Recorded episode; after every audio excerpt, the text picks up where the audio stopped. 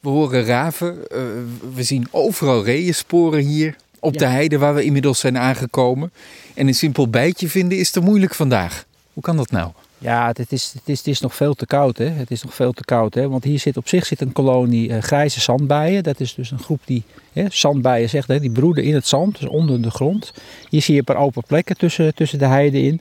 En hier zit eigenlijk normaal ook een hele, hele kolonie. En, en, paar dagen terug toen ik hier was, toen het zonnetje scheen en wat warmer was, zag je ook heel veel uh, zandbijen vliegen. Maar het is nu gewoon even te koud. Dus ze zitten gewoon nog onder de grond. Ja. In afwachting van. Ja. Nu zijn we op de heide. Um, het leefgebied van verschillende soorten bijen, maar ook steeds vaker het leefgebied van honingbijen. Daar worden die grote kasten er neergezet. Daar vinden jullie wel wat van, geloof ik, hè? Ja, vooropgesteld, uh, we komen op voor de belangen van honingbijen en wilde bijen in Nederland. Hè? Oh, dus, dus jullie hebben een dilemma?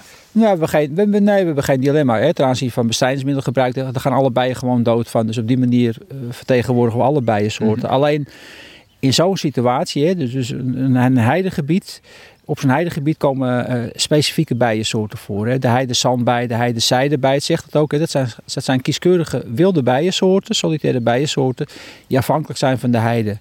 Ja, de heide gaat gewoon achteruit. Je ziet overal vergrassing, hè, de, de, de stikstofproblemen. Hè. Dus, dus, dus, dus, dat de heidevelden minder vitaal zijn, ook door de enorme droogte soms zomers, dat er gewoon weinig bloei is. Mm -hmm. Ja, die bijen die daar voorkomen, ja, die, die, hebben echt dat, die hebben echt dat voedsel nodig. Die zijn afhankelijk van die heide. En op het moment dat een imker zegt, joh, ik kom dan nu hier met vijf of met tien of met twintig kasten.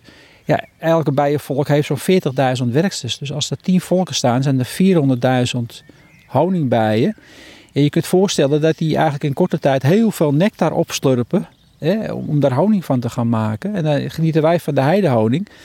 Maar ja, die bloemetjes zijn heel snel leeggedronken. En dan, dan vliegen daar die wilde bijensoorten. En ja, die kunnen niet zeggen, joh, ik ga nu naar een ander gebied toe. Want honingbijen kunnen best lang vliegen. Hè. Die kunnen wel tot 5 kilometer vliegen. Uh, ze doen liever, blijven liever dichterbij in de buurt. Maar ze kunnen lange afstanden afleggen, omdat ze met z'n velen zijn. Maar zo'n heidezijde ja, die vliegt maar een paar honderd meter. Dus dit, dit heidegebiedje, als hij hier zit, ja, hij vliegt niet naar, iets, naar, naar een andere plek toe. Dus hij, die betreffende bijensoort is daar afhankelijk van. Dus dan zeggen wij, uh, doe dan niet meer dan zoveel bijen. Uh, als het niet nodig is, liever nog niet. niet hè. Kijk goed naar welke wilde bijensoorten er voorkomen. En als het echt per se ja, toch nou, noodzakelijk is of traditie is, om het zo maar te zeggen, om heidehoning ook te verzamelen. Ja, doe dan niet meer dan zoveel kasten per hectare. En dat is ongeveer 60 kasten per 1000 hectare. Het hangt een beetje van de, van de omstandigheden af. Maar in ieder geval veel minder dan dat je nu soms wel 200 kasten op een stuk heide ziet. Ja.